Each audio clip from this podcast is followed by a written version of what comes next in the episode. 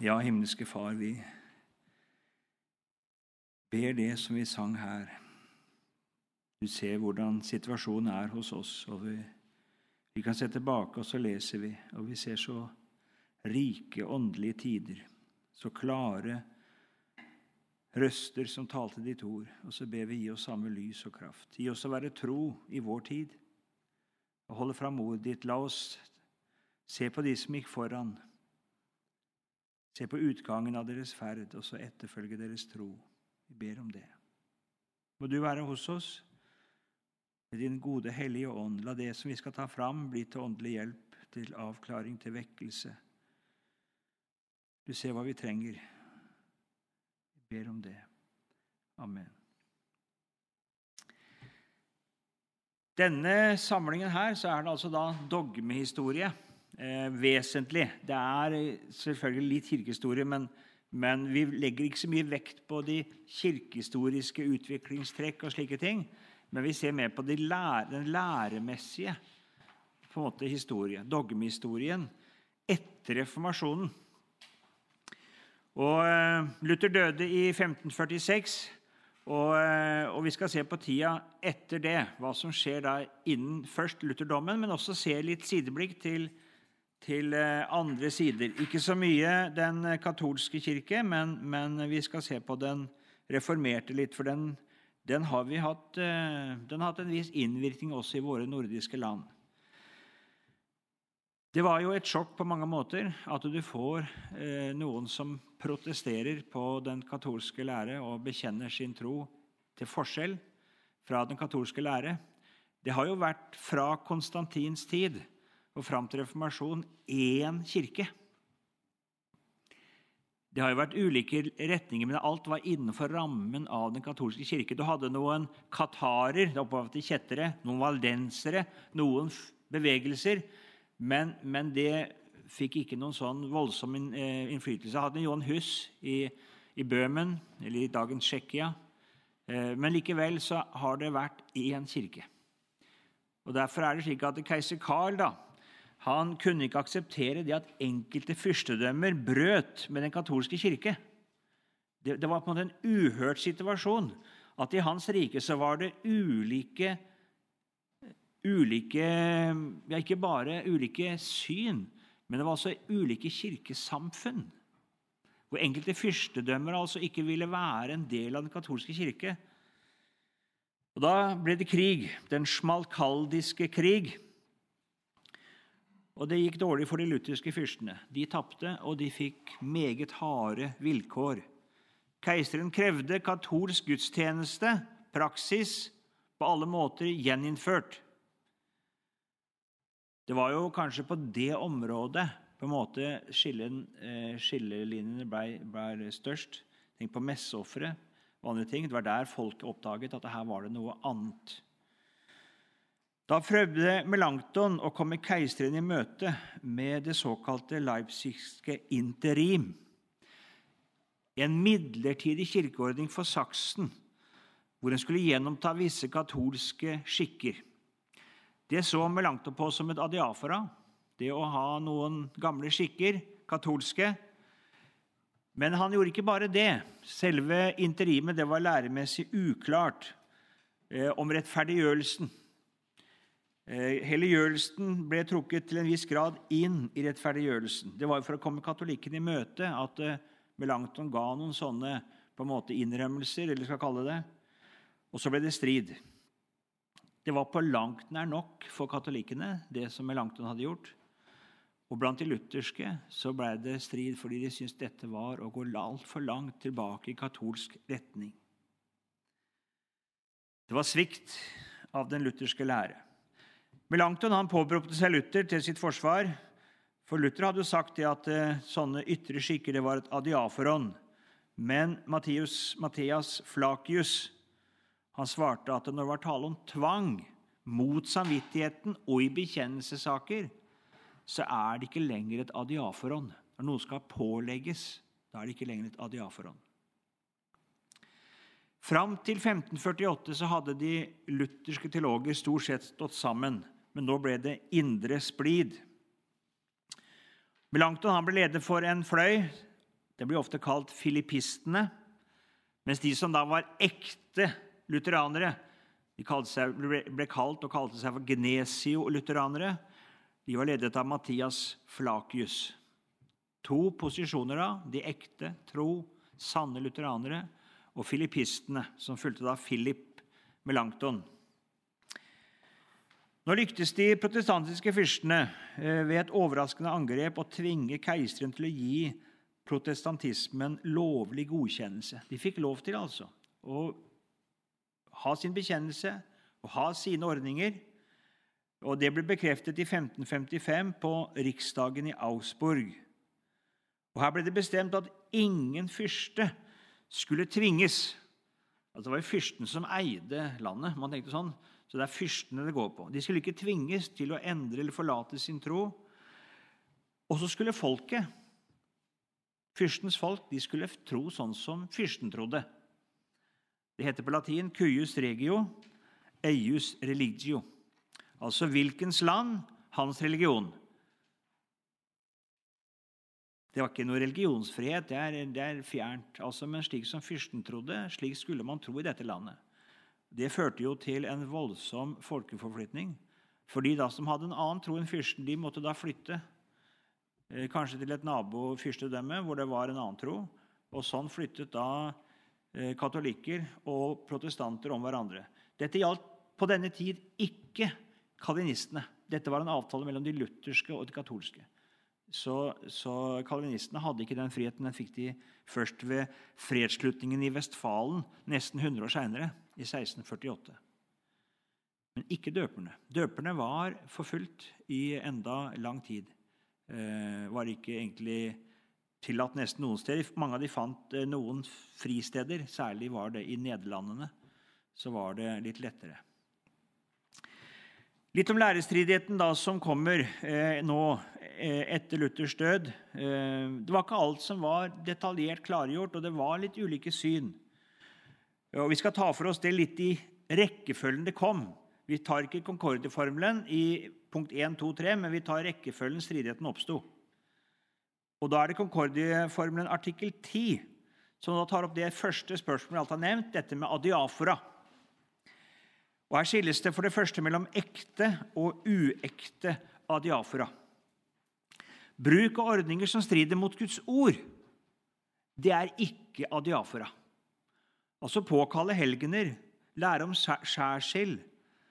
Alt som hadde med troen på slikt, altså tro på helgener, skjærsild, som stred med Guds ord, det er ikke bare en skikk. Det er en vrang lære. Det er ikke et adiafora. I tillegg så er masse seremonier og spill vi kan tenke oss sånne skuespill man har tatt inn i kirken, som ikke hører hjemme i gudstjenesten, men strider mot gudstjenestens, vesen skal være samling om Guds ord. Det er heller ikke adiafora. Det er uskikker. Det er på en måte noe som, som, eh, som tar fokus bort og som strider mot, mot uh, gudstjenestens vesen. Det er heller ikke noe man bare skal godta. De rette adiafora er kirkelige seremonier som ikke strider mot Guds ord, men som er forordnet av mennesker. Altså Ting som ikke det står at de skal ha i Skriften, men det er ikke noe i strid med Guds ord. Det kan vi gjerne ta vare på.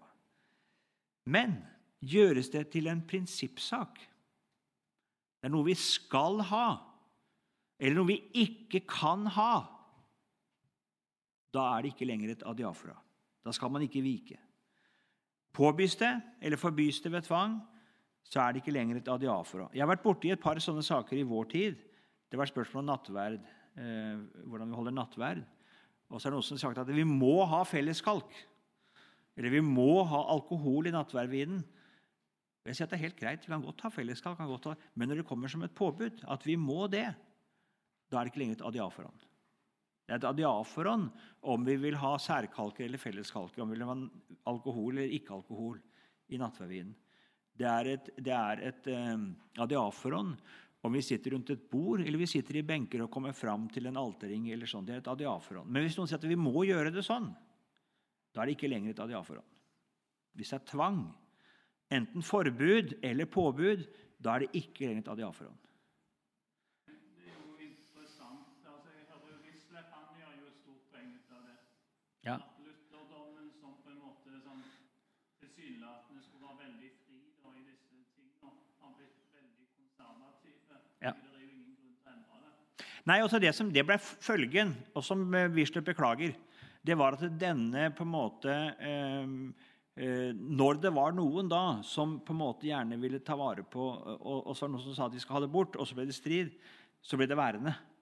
Eh, og det ble altfor mye værende. Vi møter ikke minst altså i mye av det som da presten gjør. Han snur seg mot alteret, han løfter opp ikke sant, brød og vin og lurer på hvorfor gjør du det. Dette minner om messeoffer, dette rester, ikke sant? Eh, og, og det kunne godt, altså det burde vært sluttet med. Selv om det er på en måte det ADA-forhold, så ligger det en teologi bak, og da, er det, da grenser vi over mot en lære her.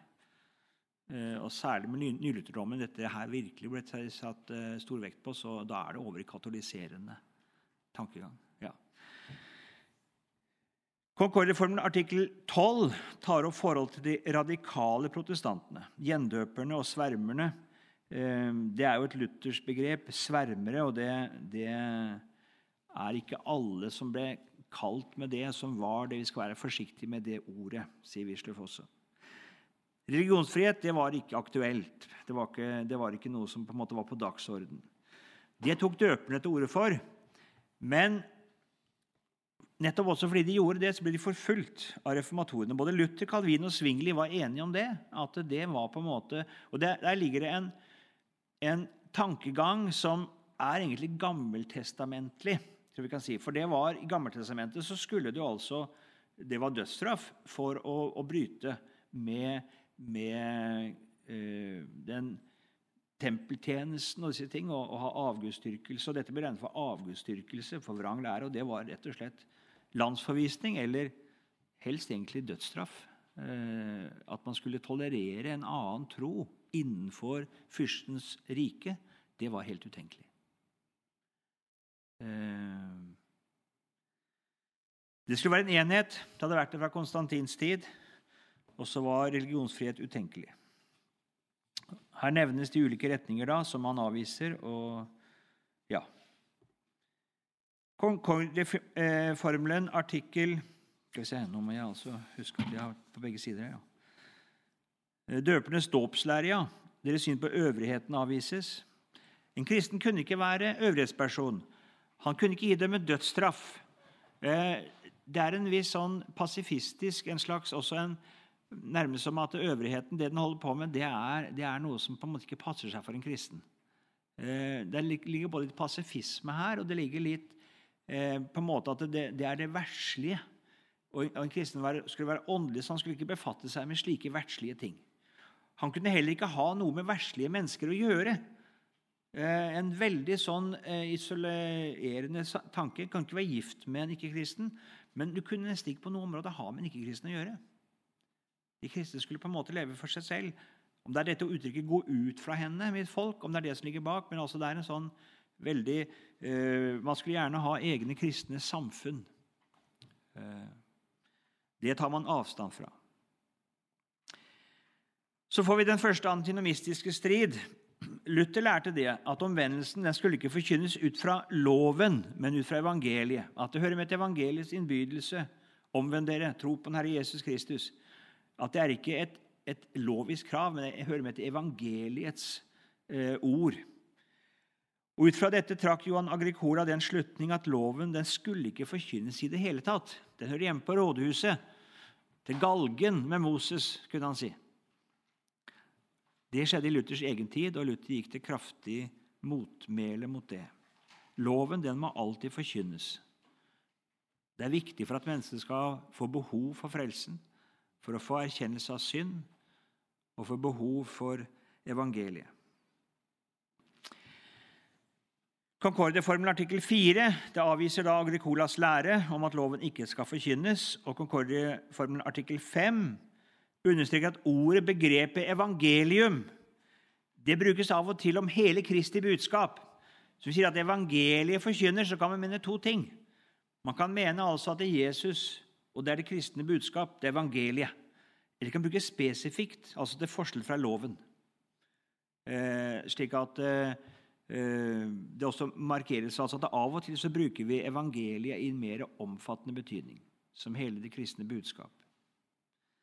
Brukt egentlig, og mer snevert altså, så handler evangeliet om Kristus og hans frelse. Loven derimot, den er det som alt, eh, alt som forkynner Guds vrede og forferder oss.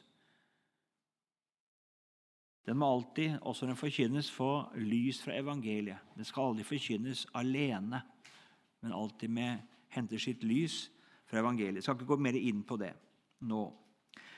Så kom det en strid om de gode gjerninger. En som heter Georg Major uttrykte i 1552 gode gjerninger er nødvendige til salighet. Altså Den levende tro den må vise seg i et sant kristelig liv. Det er en nødvendig følge og frukt av troen. Da rykket Nikolai von Anstorff ut. Eh, han så her gjerningsrettferdighet, eh, at helliggjørelsen ble brakt inn i rettferdiggjørelsen, og han sa gode gjerninger er skadelige til salighet. Altså hvis det gjøres da i den hensikt å vinne salighet. Vi kan jo si da at det egentlig så har begge rett. Rett forstått har begge rett. Men hvis man vil vrangtolke hverandre, så blir det jo aldeles ille, det man sier. ikke sant? Men begge har et bibelsk anliggende. Men dette, er noe vi kan, dette har vi opplevd senere i historien, at det her er egentlig vektlegging av ulike moment. Den ene taler om død og levende tro. Den andre taler om den rettferdiggjørende tro. Og så blir de tilsynelatende totalt imot hverandre. Men så er det spissformuleringer som ikke er gode. det må vi si. Men det ble en ganske ufruktbar strid. Eh, Concordia-formelen tar oppgjør med begge to og sier at dette er, er utsagn som ikke er gode. Det kan vi være enige. om. Og man er enig om det. En kristen skal gjøre gode gjerninger. Luther hadde sagt det at eh, tre og syv bør ikke være ti, men det er ti. Altså det Gode gjerninger følger. Med langt å være litt forsiktig. Gode gjerninger bør følge. Nei, sier Luther, det gjør de. Det er en levende tro, så er det slik. Eh, så det er vi enige om. Kristen skal gjøre gode gjerninger. Og På den ene siden understrekes det at den gjenfødte, ikke av tvang, men av et villig sinn, vil gjøre gode gjerninger. Og Det understrekes på den annen side da at ingen troende kan forbli i synden. Da er han ingen sann kristen. Vi har to store universitet på den tida. Det er Wittenberg, og så har vi Jena. Eh, og, og i Wittenberg så er man litt mer iallfall en periode, litt mer imøtekommende overfor kalvinister og, eh, han Melanchthon, ikke sant, som er litt vaklende. Så da er det viktig for Amstrol, som nå ville være en sann lutheraner, å få startet et tydelig, klart luthersk universitet i Jena. Og Det blir på en måte de to store universiteter. Jeg tror ikke vi skal overdrive forskjellene på dem. Søderlund gjør det, syns jeg, litt i, i sine kommentarer. Eh, vi kommer litt tilbake til det. Så lovens tredje bruk. Luther lærte at loven hadde to bruk. Den borgerlige for å holde de ugudelige i sjakk. En ytre, kan du si, som, eh, som eh, borgerlig bruk, som gikk på at man skulle holde Guds bud i det ytre. Også var viktig for, for staten og for samfunnet. Og den egentlige, den virkelige og åpenbare synden. Å være toktemester til Kristus. Det var de to bruk Luther talte om. Så fører Melanchthon inn en tredje bruk. At loven også har en oppgave for den gjenfødte. Ikke bare til å åpenbare synden, men også å være en veileder i det gode. Han mente det at lovens første bruk det var for de sovende, for den sovende verden eh, og som bare hadde en borgerlig hensikt. Den andre den var for den vakte, den som hadde kommet, Gud har fått i tale for å drive den til Kristus. Og den tredje den var for de som var født på ny, som en veileder i hva som var rett og godt. Nå regner han med at den tredje bruk også er dobbel. for han, han, han, deler mer etter at det er for de sovende, de vakte og de gjenfødte. Og da er den for de gjenfødte også vekkende. Den har også på en måte stadig virket synserkjennelse videre i livet. Eh, at den er ikke bare en, en positiv oppgave for den troende, den er også en, det kan kalle en negativ, en dømmende, anklagende fortsatt. Den dømmer alltid, sa Luther. ikke sant? Og det vil den fortsatt ha. Å holde den troende i ydmykhet. Det blir strid. Eh, noen vil ikke vite av noen egen lovens bruk for de gjenfødte. De mente at det lå allerede innesluttet i de to første som Luther hadde talt om. Ja, det kan vi gjerne si at det gjorde på en måte. Eh, og Allikevel så tror jeg det at det var en, en eh, så det er, Vi skal ikke gjøre motsetningen her for stor heller. Eh, andre mente at dersom lovens første bruk skulle være for både ugjenfødte og gjenfødte, så ble det ikke noe skille mellom den ytre lydighet og den gjenfødtes lydighet. Og det er et poeng. Eh, hvis vi sier at det, det ligger allerede innesluttet i de to første, da er den gjenfødtes lydighet bare en ytre, borgerlig lovlydighet. Og Poenget her er nettopp å si at de gjenfødte de har et annet liv, som, som, eh, som er et, i samsvar med Guds lov, og som er mer enn en ytre borgerlig lydighet. Og understreker da Konkorreformen artikkel 4 at loven skal forkynnes både for uomvendte og gjenfødte, altså går imot Agricola igjen. Eh, og den troende trenger loven for å tuktes, for å døde den gamle Adam og for å holdes i ydmykhet.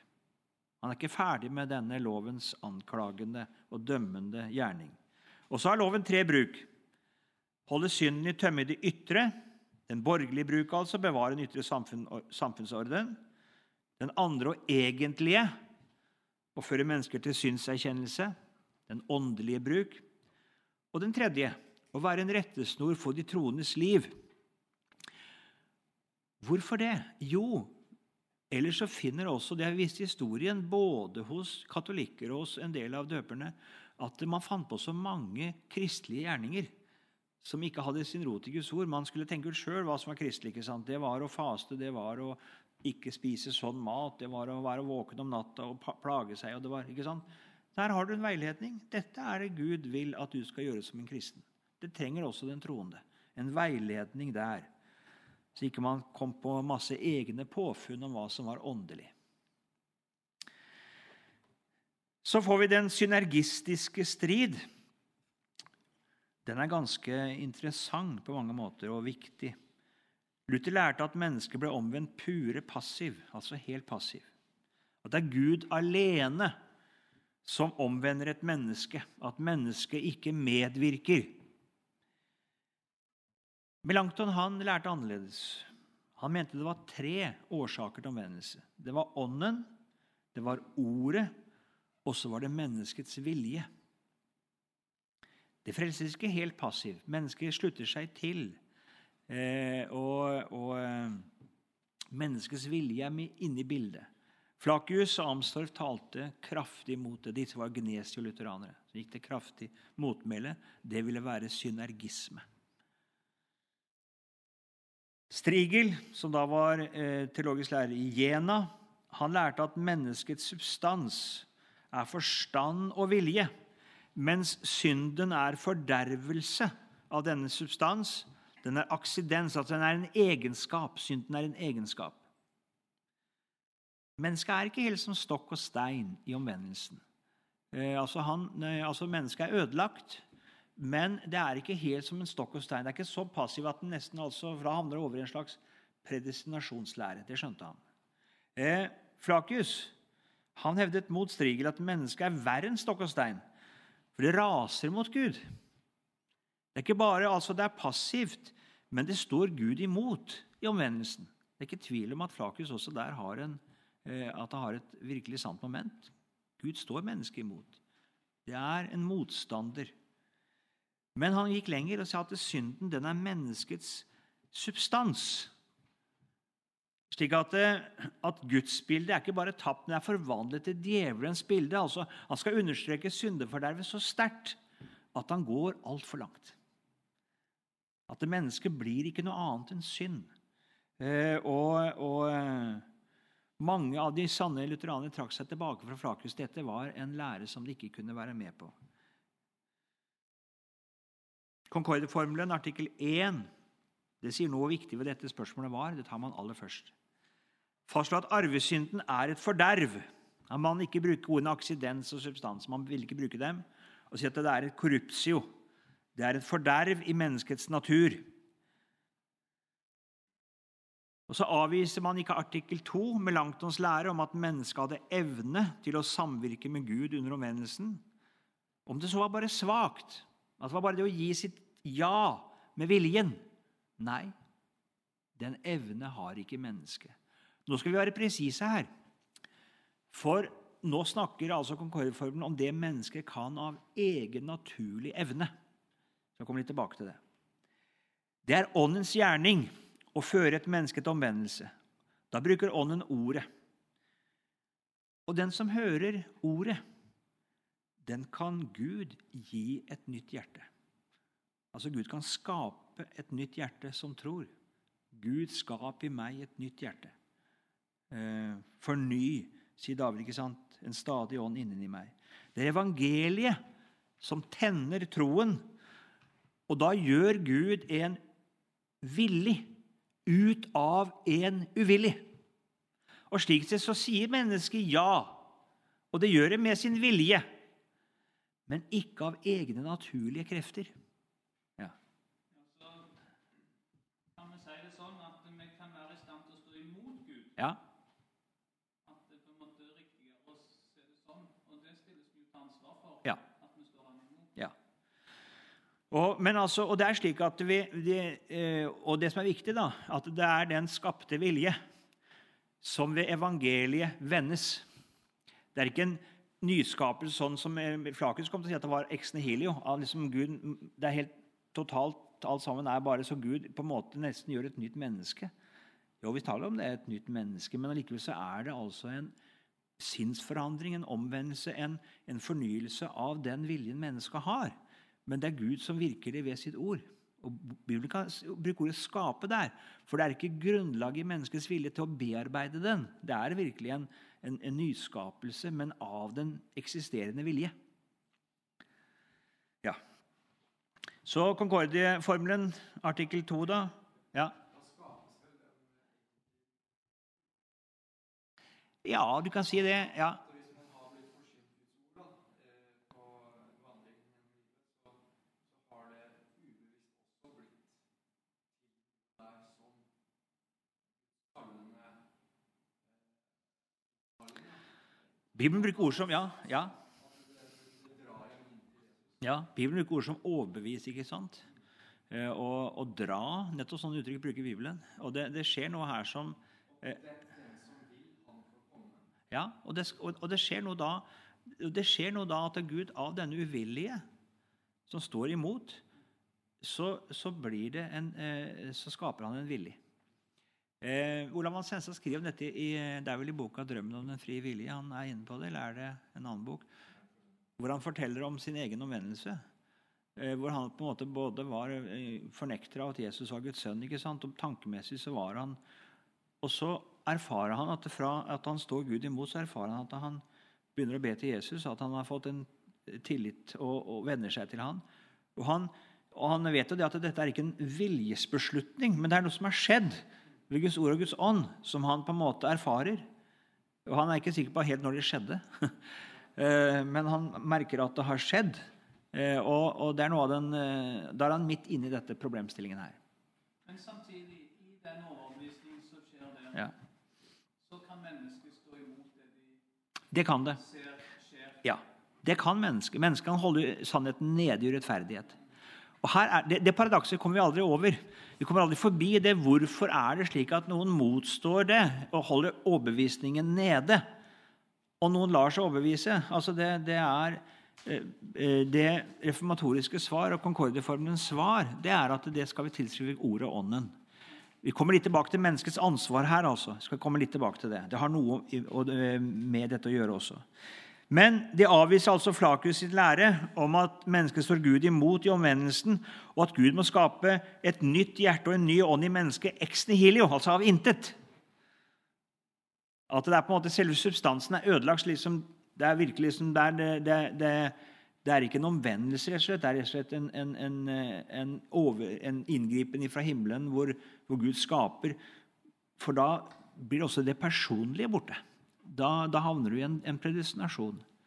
Eh, Lære ganske, ganske Og så avviser også som manikeisme, altså en lære om mennesket som ikke er bibelsk rett. Nei, Gud frelser det han har skapt. Eh, Men omvendelsen er en forandring ved Den hellige ånds virkning i den troendes forstand, vilje og hjerte, slik at mennesket ved denne virkning ved Den hellige ånd kan motta den tilbudte nåde. Altså det, Gud virker slik på menneskets forstand og vilje og hjerte. Det er en virkning av Guds ord og Guds ånd, slik at mennesket mottar. Mens gjenstridige, da, de som står dette imot, de blir ikke frelst. Og Det må mennesket selv bære ansvar for. Altså På den ene side avvises at mennesket av egne naturlige krefter og vilje kan komme til tro og ta imot nåden. Og På den andre siden så understrekes at mennesket er ikke som stokk eller stein, men at Den hellige ånd ved Guds ord skaper villige mennesker av uvillige og gjenstridige ved Den hellige ånds dragelse og overbevisning. Og mennesket understrekes det har et ansvar for å høre og lese Guds ord.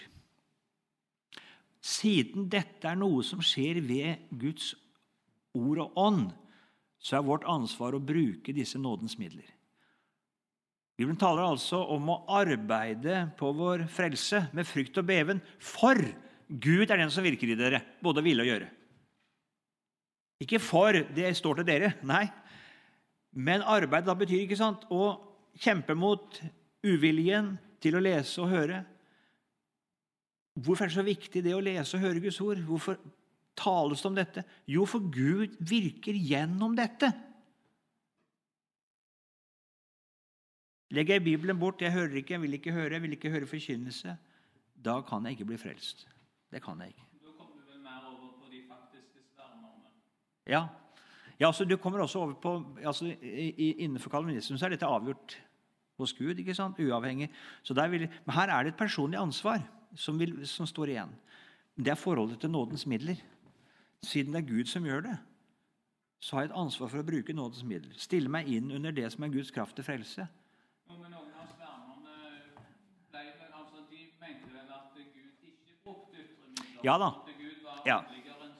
Ja, og du får også kan du si, i, i kalvinismen, hvor du, har, hvor du altså har at det er Guds allmakt, eh, og hvor, hvor dette er avgjort på en måte fra evighet av.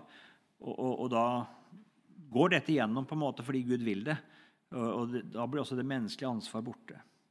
Etter omvendelse i innfødelsen så kan mennesket så langt som det er gjenfødt, virke sammen med Guds ånd. Der er det virkelig et samvirke. Der er det slik at vi, vi vil, og vi samvirker med Guds ånd.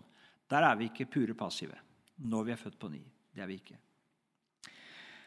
Så om predestinasjonen. Gnesilutheranerne da, de lærte at Guds predestinasjon var årsak til omvendelse. Og her fulgte de Luther. Etter hvert så ble imidlertid læren om dobbel predestinasjon ansett som kalvinsk. Og den lutherske lære om Guds nåde og alminnelige frelsesvilje den ble sterkere betont. Og Derfor er det slik at fra omkring 1560 så begynner de lutherske teologer å angripe den kalvinske predestinasjonslære. Da har man forlatt Luther. må være klar over det. Luther var ganske enig med Calvin her, men det, der følger ikke de lutherske teologer Calvin, nei, Luther. Det gjør heller ikke Concordia-forbundet. Den følger ikke Luther her. Det er eh, artikkel 11. Den skiller altså mellom Guds forutviten og Guds utvelgelse. Vi må ikke holde dit Gud vet. Han vet hvem som kommer til tro og blir frelst. Men det er ikke det samme som hans utvelgelse. Skille mellom det, de to tingene. Det faller sammen hos Luther. Gud vil at alle skal bli frelst. Og evangeliet skal forkynnes for alle. Og innbydelsen er alvorlig ment for alle. Det er jo ikke Calvins lære, ikke sant? men det er Luthers lære. Gud har bundet seg til sitt ord og sine sakramenter, og han handler ved sitt ord. Og så nytter det ikke å spekulere over predestinasjonen. Det er forholdet til Guds ord som er det avgjørende. Gud vet hvem som kommer til å ta imot evangeliet i tro, og han utvelger disse. Men det er ikke samme ting. Et menneske frelses helt og fullt av Guds nåde. Det har sin grunn i Guds utvelgelse. Men det er ikke slik altså at Gud på forhånd har valgt noen til frelse og noen til fortapelse. Og man avviser helt kategorisk at det er en forutbestemmelse til fortapelse. For det står ikke noe ord i Skriften om det. Men Gud har forutsett hvem som kom til å stå evangeliet imot. Det har han gjort, og disse forkastes. Men det er deres eget ansvar. Eh, Vi har lett for å tenke utvelgelse bare veldig sånn et halvt minutt, ett minutt om det. Vi har på, lett for å tenke på utvelgelse som utvelgelse av et fotballag. Jeg velger deg, men ikke deg. Ikke sant? Men tenk deg mer som en innbydelse til et selskap. Og hvor, hvor de som får innbydelsen, de velges gjennom at innbydelsen sendes til dem. Og når de så sier ja, så kan vi si at disse er utvalgt. De som forkastes, det er de som avviser innbydelsen, ikke vil komme. Slik at da får at det, det, er, det er den som innbyr, og som setter deg på gjestelista og innbyr deg og drar på deg og maser på deg vil du skal komme. Som du til slutt må si at det var, det var din skyld at jeg kom, for du ga deg jo ikke. Eh, ja. Og, måten, og da er det en utvelgelse, men den er organisk. Den skjer altså ved Guds ord og ved Guds ånd. Og Da henger det sammen med dette med omvendelsen. Da, da henger disse tingene sammen. Eh, hvis du havner i den kalvinske lære, så er det, det er ikke spørsmål om kall og dragelse, men spørsmål om en avgjørelse. En suveren, majestetisk avgjørelse. Og som Gud bare gjennomfører. Eh, og Det strider så på mange måter med det Skriften taler om dette. Det er mer spørsmål om makt. Bibelen taler også med kjærlighet. ikke sant? Det snakker om det å vinne seg en brud. Du gjør ikke det ved makt. Jeg har bestemt du skal være min, og så tar jeg deg etter håret og så drar jeg deg. Nei, det er ikke sånn. Tall til hjertet. Vinne. Dra på. Det er sånn Bibelen taler om det. Jeg tror jeg Concordia-formelen virkelig altså har, har kommet til en større klarhet enn det Luther hadde på dette spørsmålet.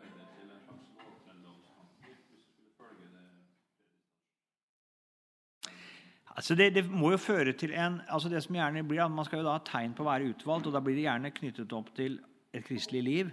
Og det kan jo fort da ende opp i en, i en, en enten en veldig frykt for at det ikke er utvalgt, fordi at en finner ikke kjennetegnene, eller en det, så, ja, så det kan fort Ja, kan, kan det. Nå vil Man jo, man forkynner ikke så mye sånn i, de jeg møter som er nykalvinister, i hvert fall, så møter ikke det, men, men tendensen kan være der. ja. Osianderstriden eh, Luther hadde i sin teologi forbundet menneskets rettferdiggjørelse og levendegjørelse tett. Det var på en måte ting som hang sammen. Har det skjedd noe med ting?